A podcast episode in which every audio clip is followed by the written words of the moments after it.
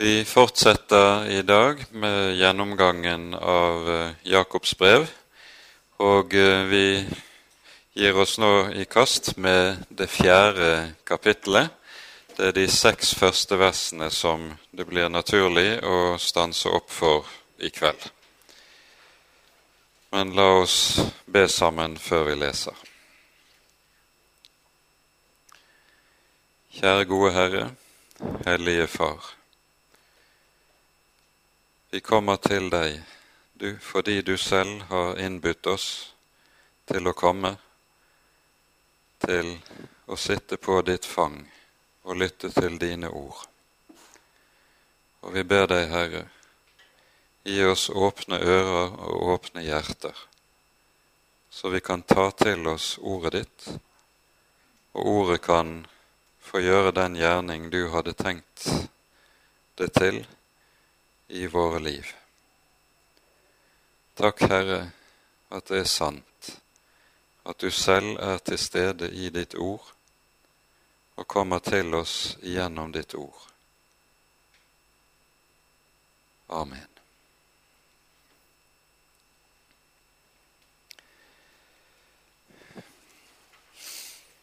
Forrige gang var vi altså sammen om eh, siste delen av det tredje kapittelet. Et avsnitt der det tales om forskjellen på denne verdens visdom og den visdom som kommer ovenfra, den visdom som er av Gud. Og disse to ting står i skarpt motsetningsforhold til hverandre. Eh, motsetningsforholdet stikker langt, langt dypere enn vi ofte er oppmerksom på. Eh, og vår bibel tar opp dette i flere ulike sammenhenger. Den aller viktigste teksten som vi i så måte og som vi samtidig ikke var inne på sist gang fordi det ikke passer inn i sammenhengen i Jakobs brev, det er Paulus' undervisning i det første kapittelet i første Korinterbrev, der han taler om Guds visdom som er dårskap for denne verden. Og denne Guds visdom den åpenbares på korset. Og det gjør at alle selvkloke, alle som hører, bedømmer ting etter denne verdens måte å tenke på, de vil oppfatte det som skjer på korset, som den rene dårskap. Og Paulus avslutter avsnittet sitt med å si at så er da Guds dårskap klokere enn verdens visdom, og Guds svakhet sterkere enn denne verdens styrke. Dette grunnleggende motsetningsforholdet mellom guddommelig og menneskelig visdom, det er noe som gjennomsyrer og gjennomtrenger alt som uh, har med Guds rike å gjøre. Og det gjør at det som hører til Guds rike, det er eh, av en slik art at det er unaturlig for oss å tenke slik som Guds ord tenker. Til det trengs det en lang oppfostring i ordet, og at ordet får gjøre sin formende gjerning på et menneske, både dets hjerte og også dets tankeliv. Dette hører vi Paulus eh, anvender videre på den måten at han taler i de to neste kapitlene om den åndelige umodenhet som behersket en del av de korintiske kristne. Paulus fornekter slett ikke at de er troende, men han peker på at de tross dette tenker som denne verdens mennesker, noe som fører til svært mye ugreie i menigheten. Det er altså slik at det er ikke en selvfølge fordi om et menneske er et troende menneske og uh, har vandret med Jesus, at dets tanker derfor likevel samsvarer med Guds tanker om de ulike ting. Det kan meget vel være slik at i kraft av manglende erkjennelse i Guds ord kan en ha blandet opp såpass mye menneskelig tankegods med det en mener og tenker om ulike forhold, at det likevel leder på helt gale veier. Vi skal ikke komme mer inn på det i denne sammenheng, men det er viktig å være oppmerksom på hvordan Guds ord taler om disse tingene. For dette er også forutsetning for å kunne bedømme ting rett, bedømme rett etter, i Guds ords lys. Avsnittet vi skal ha for oss i kveld, det danner egentlig avslutningen på dette avsnittet om forholdet mellom Guds visdom og verdens visdom. Og vi leser fra vers 1 til og med vers 6 i kapittel 4. Hvorfra kommer all ufreden, og hvorfra kommer all striden iblant dere? Er det ikke fra lystene som fører krig i lemmene deres? Dere begjærer, men har ikke.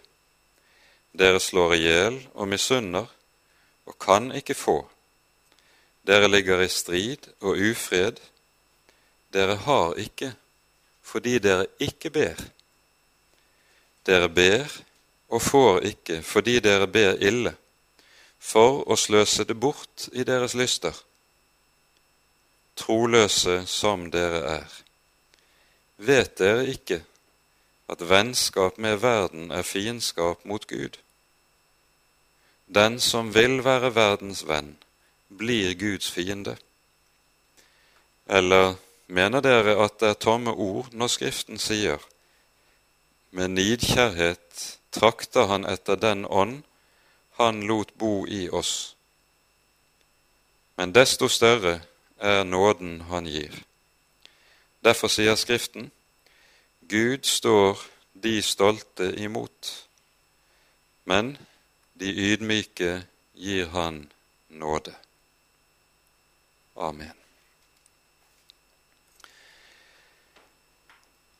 Tankegangen i det vi nå møter i de to første versene i avsnittet vi har lest, det er at den verdslige visdom som Jakob taler om i slutten av kapittel 3, den har en ganske bestemt kjerne. Og kjernen til denne er lysten som Jakob her kommer inn på. Og Her er det kanskje nyttig å gjøre oppmerksom på noe som vi ikke alltid tenker over, nemlig at det falne mennesket, det er slett ikke så rasjonelt som de gjerne liker å tro. Man liker å tenke om seg selv at ens liv er styrt av fornuften på ulike områder. Men det som både noe mer dyptgående erfaring lærer oss, og også Bibelen lærer oss meget tydelig, det er at det falne mennesket slett ikke styres av fornuften, men først og fremst av sine egne drifter på ulike områder, og da på en slik måte at det bruker fornuften til å så å si legitimere eller rettferdiggjøre de lyster som en lever i, for å få det hele til å se ut som noe som er velbegrunnet og forstandig og riktig. Det falne mennesket er slett ikke så rasjonelt som vi gjerne drømmer om at vi er. Hvorfra kommer all ufreden, og hvorfra kommer all striden iblant dere? Er det ikke fra lystne som fører krig i lemmene deres? Det som eh, Jakob her nevner, det er hvordan den verdslige visdom, som han har omtalt i foregående avsnitt, fører nettopp til strid og ugreie, uenighet og elendighet de troende imellom. Og så lenker han altså denne strid og uenighet som er grunnet i verdslig visdom, han lenker det til lystne. To ganger stiller han spørsmålet 'Hvorfra kommer?' Altså, hva er kilden til dette? Kilden til disse ulike typer stridigheter som eh, det tydeligvis var mellom de troende i denne sammenheng. Og han svarer, er det ikke fra lystne som fører krig i deres lemmer? Her hører vi Jakob er inne på noe som vi eh, kanskje ikke alltid er oppmerksom på, står i uhyre skarp kontrast til det som vi eh, vet om tankegangen i antikken. Eh, det er slik at når vi her hører Jakob tale om lystne og begjæret, som noe som strider imot Guds ord, så er jo dette noe som har sin grunn i det niende og tiende bud. Du skal ikke begjære. Selve det å ha lyst til det onde, det er, slik Bibelen taler om det, synd. Det er ikke bare det å gjøre det onde aktivt, som i seg selv er synd, men det å ha lyst til det onde, det er i seg selv noe som er syndig og i strid med Guds ord. Nå var det slik i antikken at lystene slett ikke ble sett på som noe som var ondt eller noe som var negativt. Tvert om eh, var dette noe som var positivt. Her brukes det et begrep som vi ikke finner så veldig ofte i Det nye testamentet. Eh, hedoné er ordet for, som er oversatt med lyster. Og det er eh, dette vi finner igjen i fremmedordet hedonisme, som er innbegrepet på det vi kaller for nytelsessyke. Og I antikkens tenkning var det slik at en så på lysten, denne hedoné, det var sett på som et gode. Du hadde en filosofisk retning som het hedonismen, som tenkte slik at selve målet for menneskets liv, det var nettopp å få tilfredsstilt lysten. For bare slik kunne mennesket bli lykkelig. Så hadde du også en annen retning, stoikerne, som hadde en helt annen tilnærmingsmåte til livets ulike sider. De talte mer om beherskelse og selvkontroll, men tankegangen hos dem var at når et menneske kunne ha tilstrekkelig selvkontroll, så ville lønnen for det i livet nettopp være at en fikk tilfredsstilt livets lyst. Så også hos dem var det slik at lysten var noe som var av det gode, og som mennesket derfor skulle strebe etter. Det var slett ikke noe som var negativt. Men i Det nye testamentet så ligger de ti bud til grunn for all vurdering av etiske spørsmål. Og Når vi leser hvordan Paulus eh, utlegger budene i Romerbrevets syvende kapittel, så hører vi der hvordan han samler budene i en sum ved hjelp av nettopp niende og tiende bud. Du skal ikke begjære.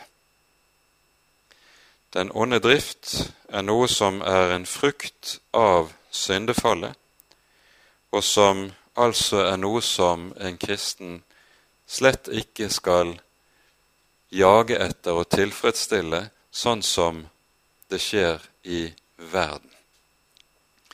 Vi hører i første Peters brev, i det andre kapittelet, så hører vi Peter formaner de troende på denne måten. Mine kjære, jeg formaner dere som fremmede og utlendinger at dere avstår fra de kjødelige lyster som strider mot sjelen. Og Her møter vi et særlig særegent uttrykk hos Peter, eh, som strider mot, som fører krig mot sjelen. Det er det som ligger i ordet. Tankegangen er altså den at det å la lysten råde i livet, lysten til det onde, det fører til at sjelen, menneskets sjel, ødelegges gjennom den krig som lystene fører mot sjelen, menneskets sanne vel, menneskets sanne identitet. Nytelsessyke, hedoné, som da ordet altså var på gresk, det beskrives med her også i, hos Jakob som en krigersk makt. Det brukes hele tre forskjellige ord her i grunnteksten i vers 1 for å betegne strid eller krig. Og Det som er tankegangen, det er at der menneskets nytelsessyke eh, får forrang, fører det til at andre hensyn, ikke minst hensynet til nesten, settes til side. Det får underordnet betydning. Det handler da om først og fremst meg og mitt, at jeg skal få det jeg ønsker meg, søker etter og lyster etter. Og så får min neste komme et stykke ned på rangstigen. Og slik kan nettopp menneskets begjær ødelegge alle menneskelige relasjoner. Dette vet vi veldig godt. Det er noe som vi ser omkring oss i verden nesten daglig. Det vi hører så i vers 2, når Jakob fortsetter, så sier han dere begjærer, men har ikke. Dere slår i hjel og misunner og kan ikke få. Dere ligger i strid og ufred. Dere har ikke fordi dere ikke ber. Så er det tydelig at når Jakob her sier 'dere slår i hjel og misunner', så tenker han på uh, det femte budet, på samme måte som vi hører Jesus utlegger det i bergpreken. Her er det ikke tenkt på det å slå i hjel i ordets bokstavelige forstand.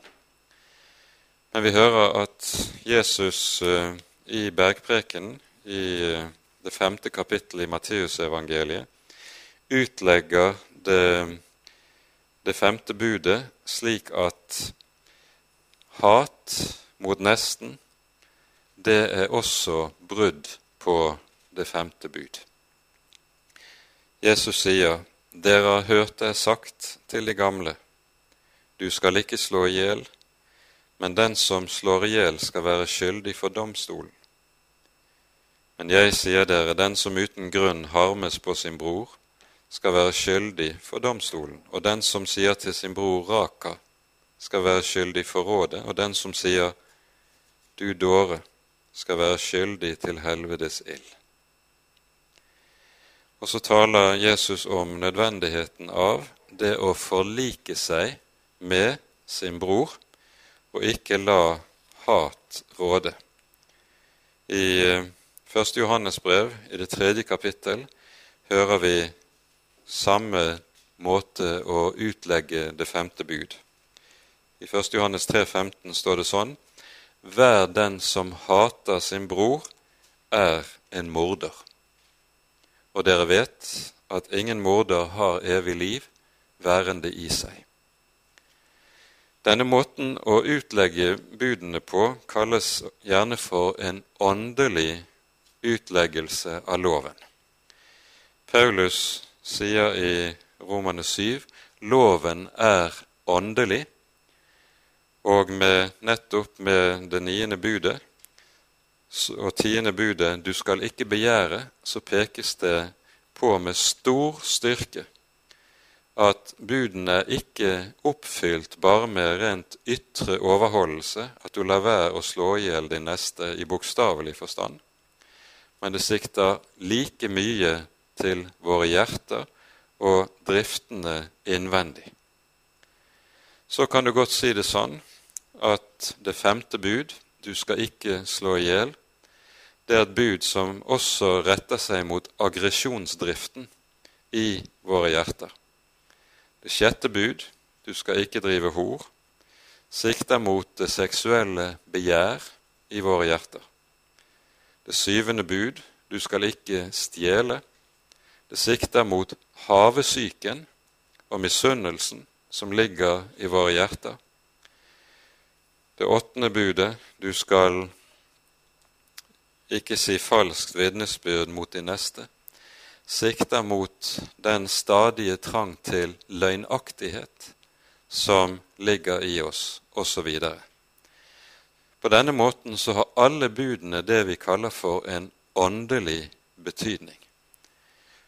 Og Det er derfor det også er slik at det å oppfylle Guds hellige lov i ordets rette og guddommelige forstand, det er noe som er over evne for det falne mennesket. Vi kan nok gjøre det på ytre vis å ha en ytre, det som kalles for en borgerlig rettskaffenhet, men det å oppfylle budene på den måten Gud hadde tenkt, slik at det også oppfylles med hjertet, så det er en annen sak. Og det er det som er meningen med den åndelige utleggelse av budene. Det er det Jakob også er inne på i vers 2 her, når han taler om dere slår i hjel og misunner.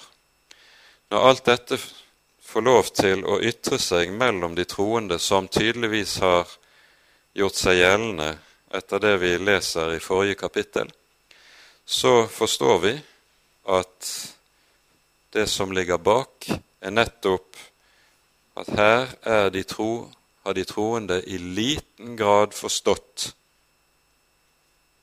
også hva Guds hellige lov lærer oss, og det er ikke bare mangel på åndelig visdom og forstand. Det vi videre hører i disse versene, det skal vi merke oss. Dere begjærer, men har ikke. Dere slår i hjel og misunner og kan ikke få. Dere ligger i strid og ufred. Dere får ikke, hører vi gjentas. Antagelig er det slik at det som ligger bak i tankegangen her, det er det vi hører i Forkynnerens bok, dette skriftet som kaltes for Predikerens bok tidligere. Og her hører vi en livsvisdomtale som eh, vi gjør vel i å gi akt på. Vi leser i Forkynnerens bok i det første kapittel slik. Tomhet og atter tomhet, sier forkynneren. Tomhet og atter tomhet, alt er tomhet. Hva vinning har mennesket av alt sitt strev, som han plager seg med under solen. Og så i vers 14.: Jeg så at det som ble gjort under, alt det som ble gjort under solen, og se, alt sammen var tomhet og jag etter vind. Og i det andre kapittelet leser vi sånn, i det ellevte verset, men når jeg så på alt det som mine hender hadde gjort, og på den plage det hadde kostet meg, da så jeg at alt sammen var tomhet og jag etter vind. Det er ikke noen vinning å nå under solen. Det er denne livsvisdom som gjør seg gjeldende i forhold til det som kalles for verdslighet, der et menneske streber etter det som hører denne verden til. Der vil utgangen på det alltid bli det er tomhet, det er jag etter vind. Og det er det som antagelig Jakob har i tanke. En kan begjære og strebe etter så mange forskjellige ting, men når det er dette sinnet som vi hører omtalt her, som gjør seg gjeldende, da vil utgangen alltid bli det jag etter vind. Det er tomhet og vil aldri bli noe annet. Dere begjærer og har ikke. Dere får ikke. Utgangen på det er ingenting. Og så blir det i stedet slik at resultatet blir det vi kaller for livslede. Det har vært sagt slik, og det ligger megen sannhet i dette. Den som bare gjør det han har lyst til, har til sist ikke lyst til det han gjør. Utgangen på nettopp å leve ut alle sine lyster og alle sine drifter vil alltid være livslede, der det mest betydelige problemet i livet blir fornemmelsen av alt er tomhet, og så blir kjedsomheten det som kommer til å prege alle sider ved tilværelsen.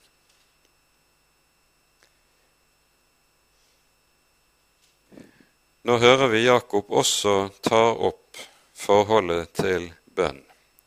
For disse kristne, de, eh, om det er en eh, megen slags ugreie i livet deres, så er de også bedende kristne.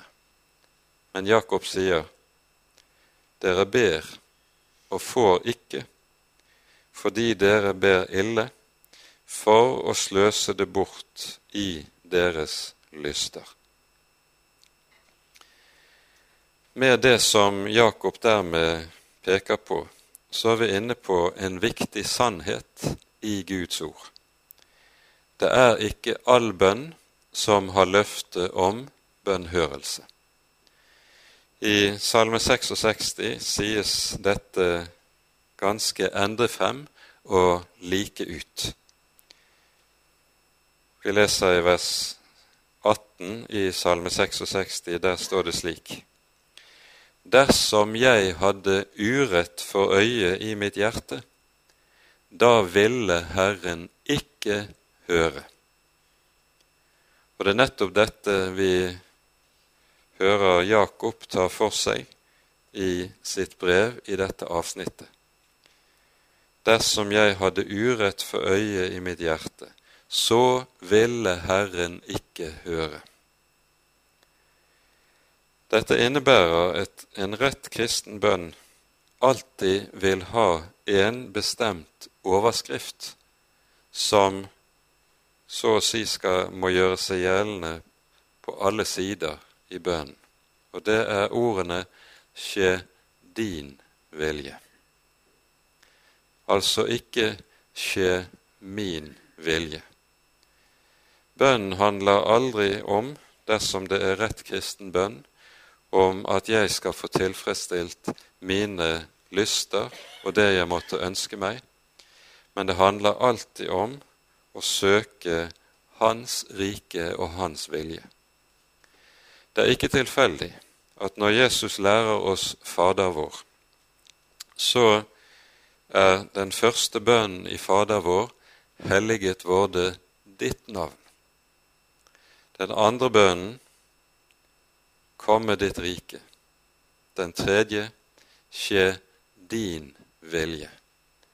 Og først med den fjerde bønnen kommer det inn i bildet som vi trenger på ulike områder i livet. Gi oss i dag vårt daglige brød.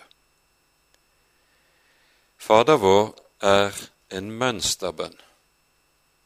I det det er slik at i denne bønnen så lærer Jesus oss hvordan vi skal be på rette måten, og hva som er de viktigste sakene som vi skal få lov til å komme frem for Gud med.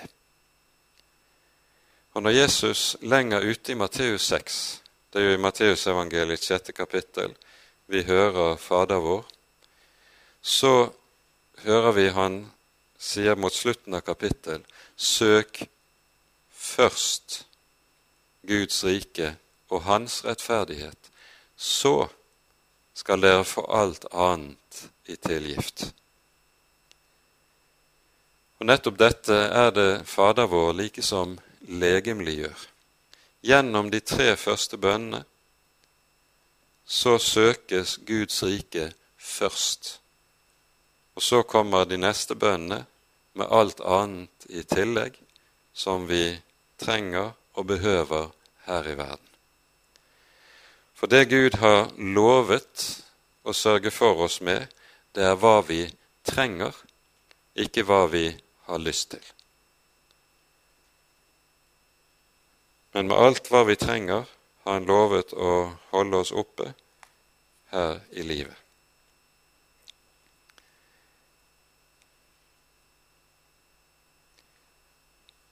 Når vi så kommer til det fjerde verset i eh, dette kapitlet hos Jakob, så møter vi en, et uhyre sterkt ord til innledning. I norsk bibel er det omsatt med 'troløse som dere er', eller 'dere troløse', sto det vel i den gamle oversettelsen. Det ordet som anvendes i eh, grunnteksten, det er et ord som brukes for å betegne ekteskapsbrudd. Og eh, det burde vel da rett være oversatt 'dere horkarler'. Eh, nå er det sånn at ordet som anvendes her, står i hunnkjønnsform. Og dermed så er vi kommet inn i en billedbruk som er ganske så gjennomgående i vår bibel i det tankegangen er den at forholdet mellom Herren og hans folk er som forholdet mellom en mann og hans elskede hustru. Og det å være troløs mot Gud, det er å drive åndelig hor. I Jesaja 54 så sies det sånn Din skaper er din ektemann. Og hos flere av profetene så hører vi hvordan frafall fra Gud, utroskap mot Herren, det beskrives nettopp ved hjelp av begrepet hor. Israels folk er Guds troløse hustru som driver hor med avgudene, f.eks. Hos Hosea, I Hosea-boken er dette et hovedtema som går igjen gjennom hele boken, f.eks. Men du møter det også hos uh, de fleste av de andre profetene.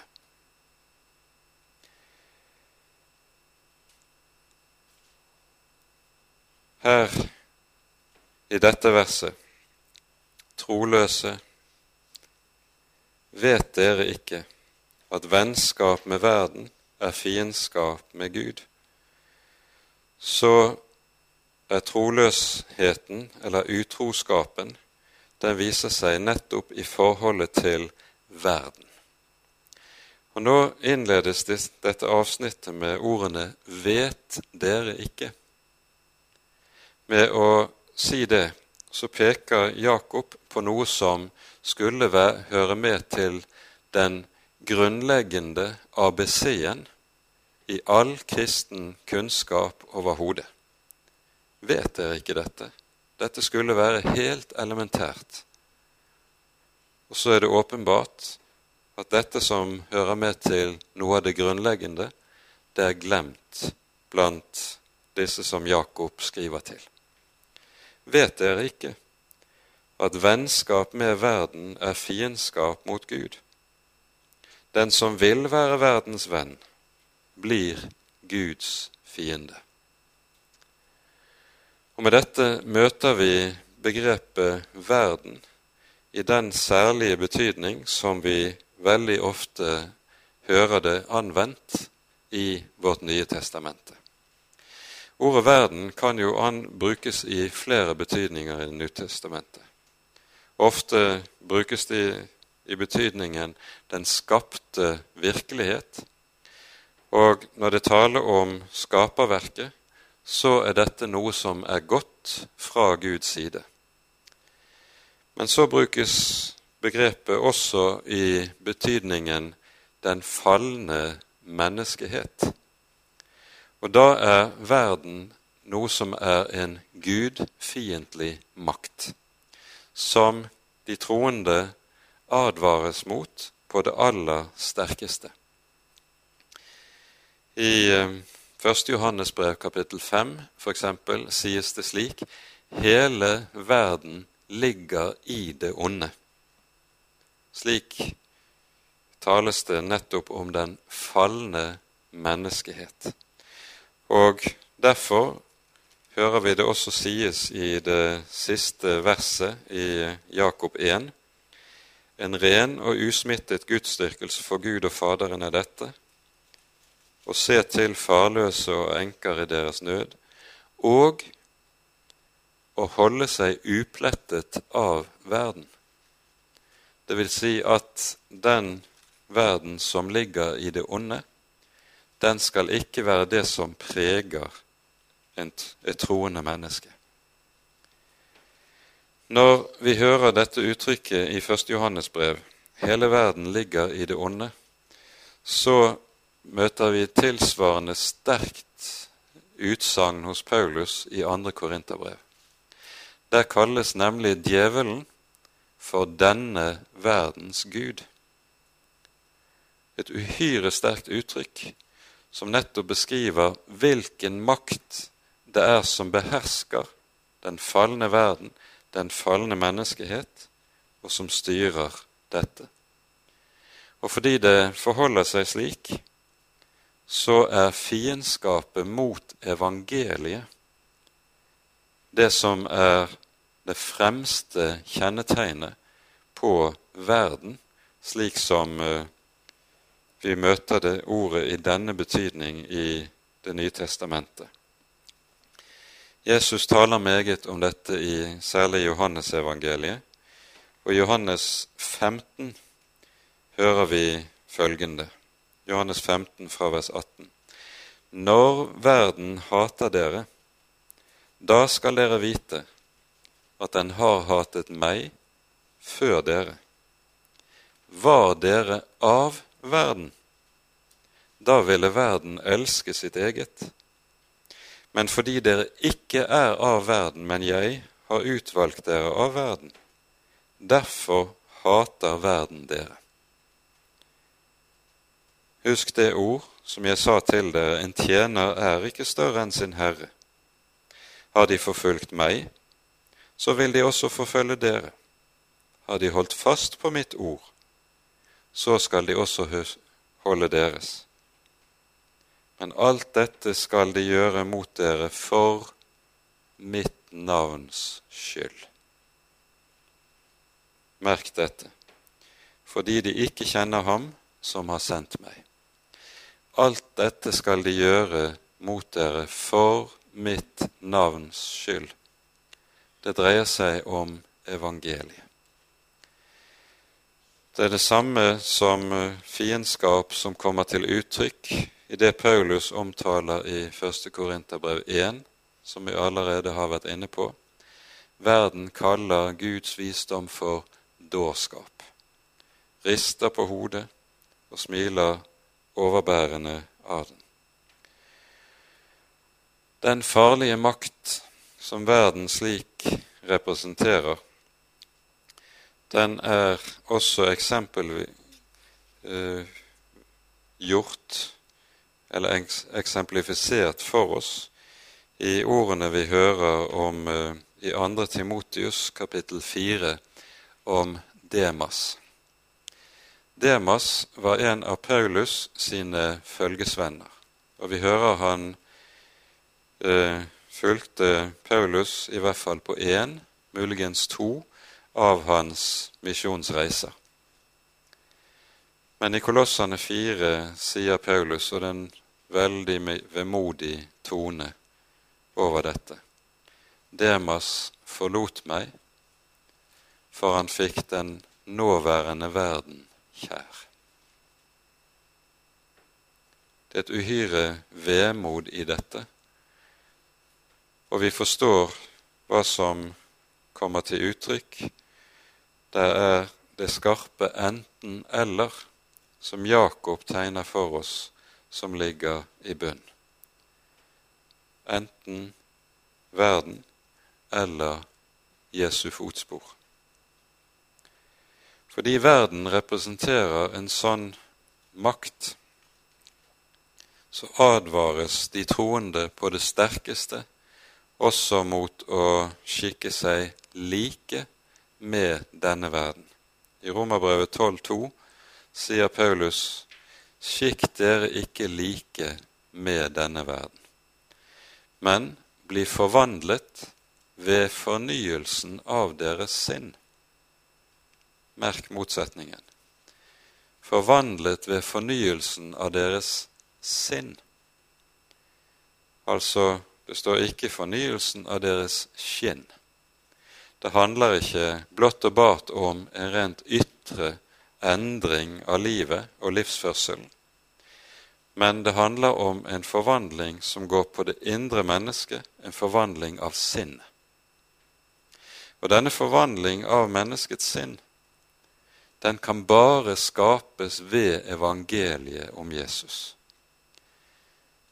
Det taler Paulus om i 2. Korinterbrevs tredje kapittel, der han taler om forskjellen på lovens og evangeliets gjerning og betydning i menneskets liv. Og Når han taler om evangeliets virkning, så sier han vi som med utildekket åsyn skuer Herrens herlighet som i et speil. Vi forvandles alle til det samme bildet.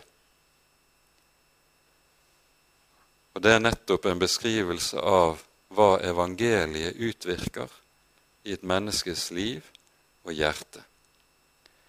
En slik forvandling kan ikke utvirkes av loven. Det kan bare virkes ved evangeliet, for evangeliet har denne makt med seg. I evangeliet ligger Guds egen kraft til frelse. Så når Paulus altså sier 'skikk dere ikke like med verden', men bli forvandlet ved fornyelsen av deres sinn, så peker han på nødvendigheten av å stå under evangeliets stadige hørelse og påvirkning for at en også kan stå under denne Guds gjerning som kalles for helliggjørelse. For helliggjørelsen, det er Guds verk i et troende menneske. Det er ikke noe som vi kan utføre selv.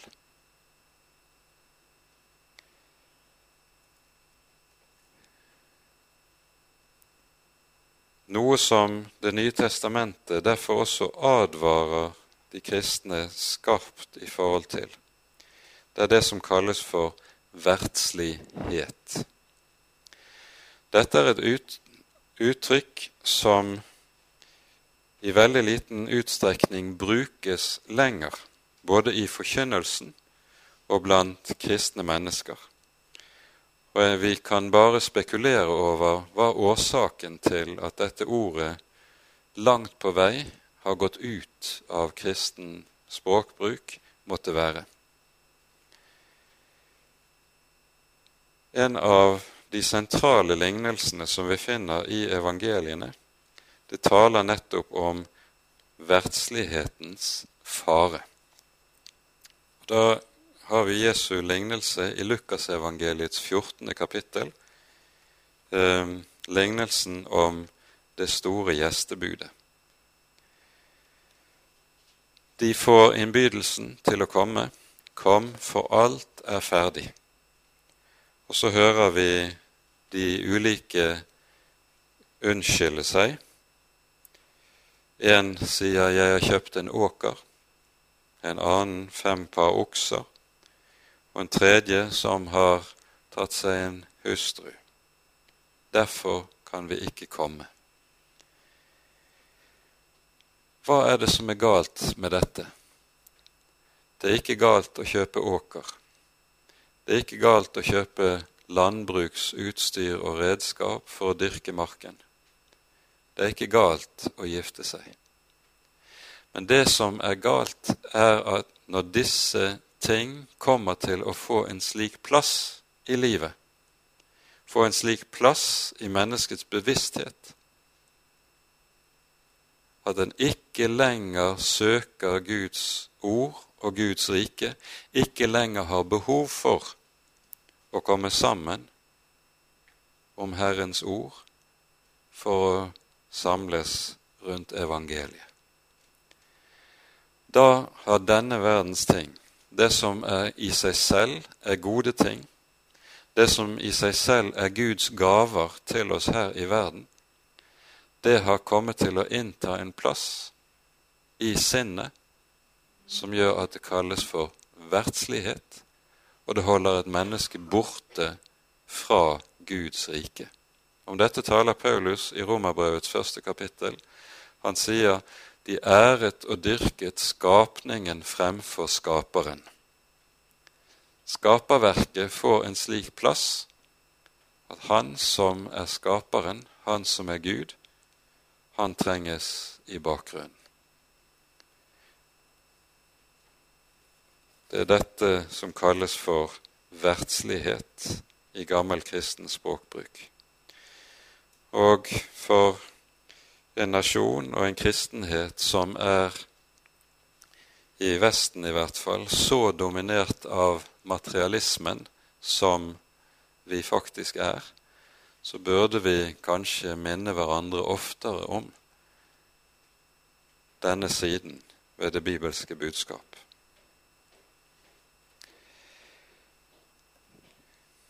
Vet dere ikke at vennskap med verden er fiendskap mot Gud?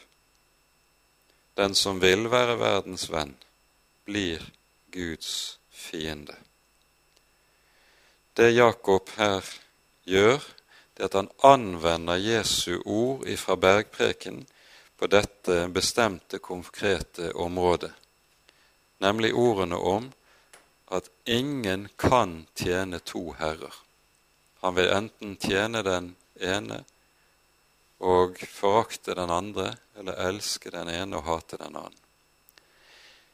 Poenget er at det delte hjertet er en umulighet. Vi står her overfor et radikalt enten-eller, som Guds ord understreker med stor, stor styrke. Og vår nød det er ofte det at vi nettopp prøver å dele oss. Det er for å unngå dette vi møter bønnen i Salme 86. Her ber David slik i det ellevte verset. Lær meg, Herre, din vei. Jeg vil vandre i din sannhet. Gi meg et udelt hjerte. Gi meg et udelt hjerte til å frykte ditt navn. Det er en bønn som en kristen burde be ofte. nettopp fordi vi har det med enn det at vi så ofte prøver på å tjene to herrer. Så fortsetter Jakob med følgende.: Eller mener dere at det er tomme ord når Skriften sier:" Med nidkjærhet trakter han etter den ånd han lot bo i oss.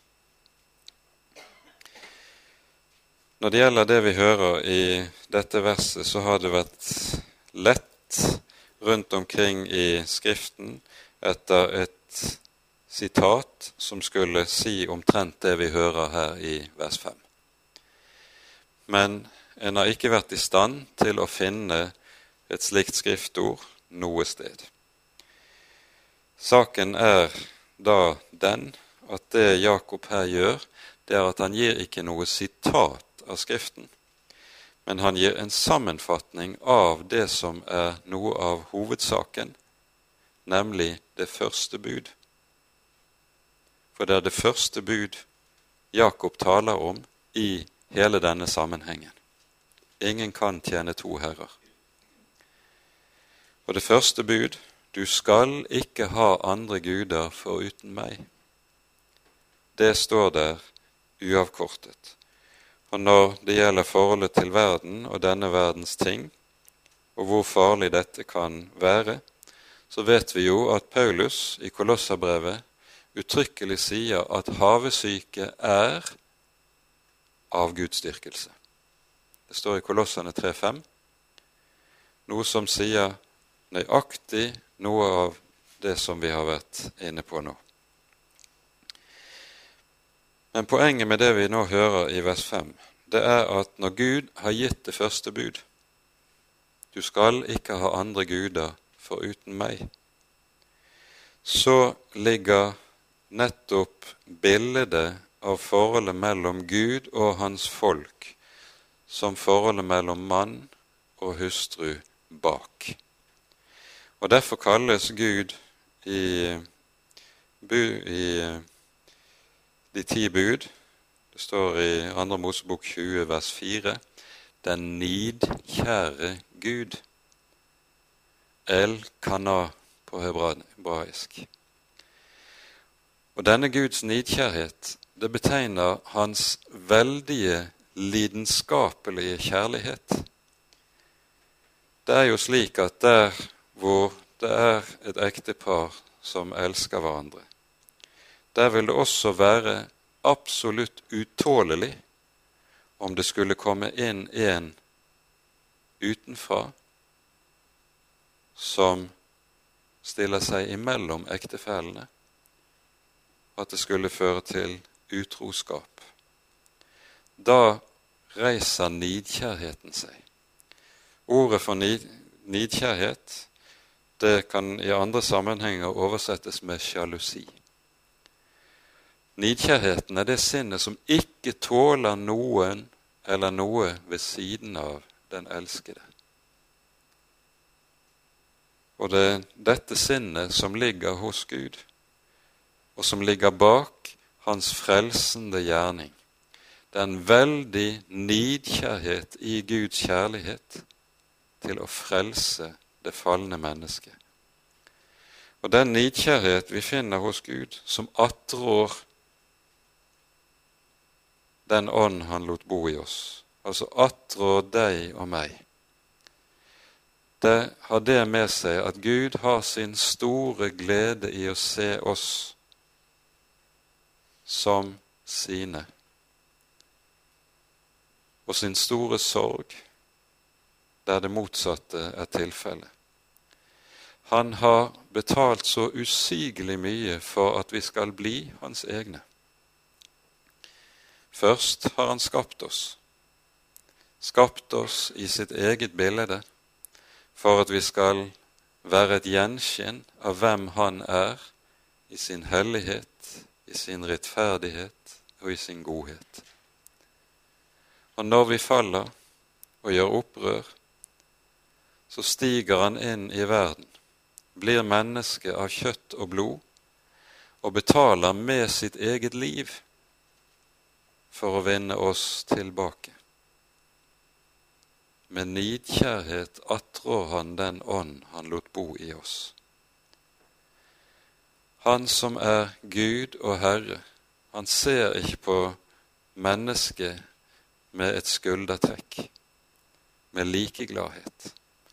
Det ligger tvert om denne brennende kjærlighet og nidkjærhet som vi her peker på, bak hos Herren.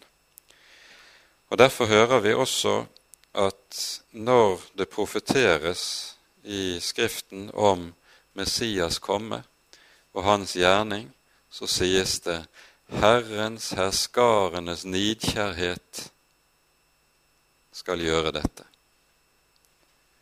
Det er hans frelsende nidkjærhet som står bak hans store gjerninger.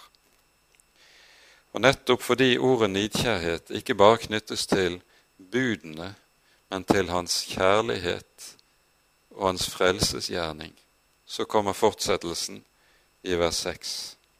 Desto større enn nåden han gir.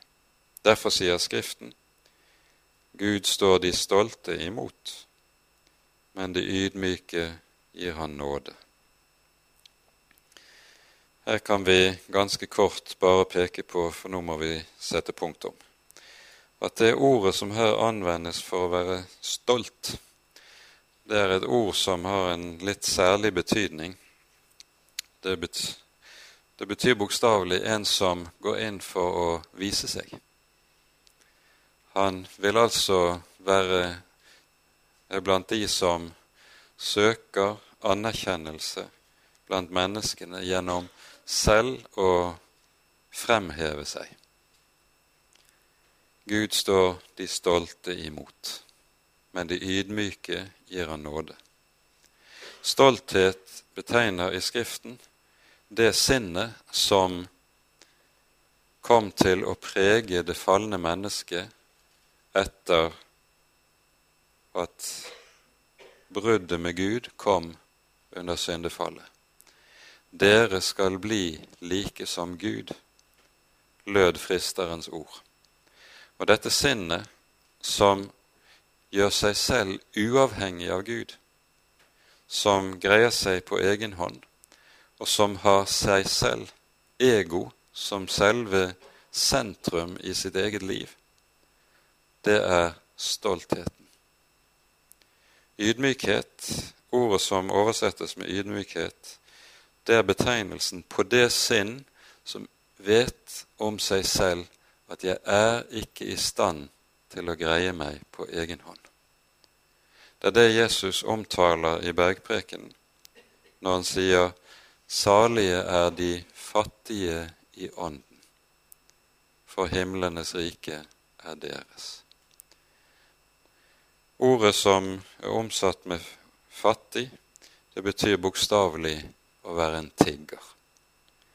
Og den som er en tigger, han er, har ikke noe av selv det mest elementære i livet. Han er avhengig av å få alt.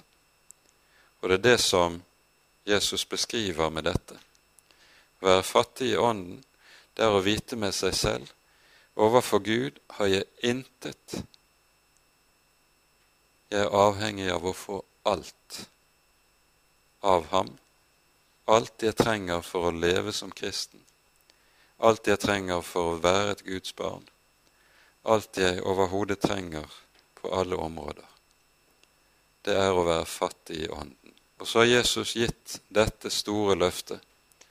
Salige er de fattige i ånden, for himlenes rike er deres. Han sier ikke dette som noe fremtidig. Salige skal de fattige i ånden bli. Nei, han sier det som noe nåtidig. Dette gjelder de som hører Jesus til. Salige er de fattige i ånden. For Jesus er den som ble fattig da han var rik for at vi ved hans fattigdom skulle bli rike. Amen. Ære være Faderen og Sønnen og Den hellige ånd, som var og er og være skal, en sann Gud, høylovet i evighet. Amen.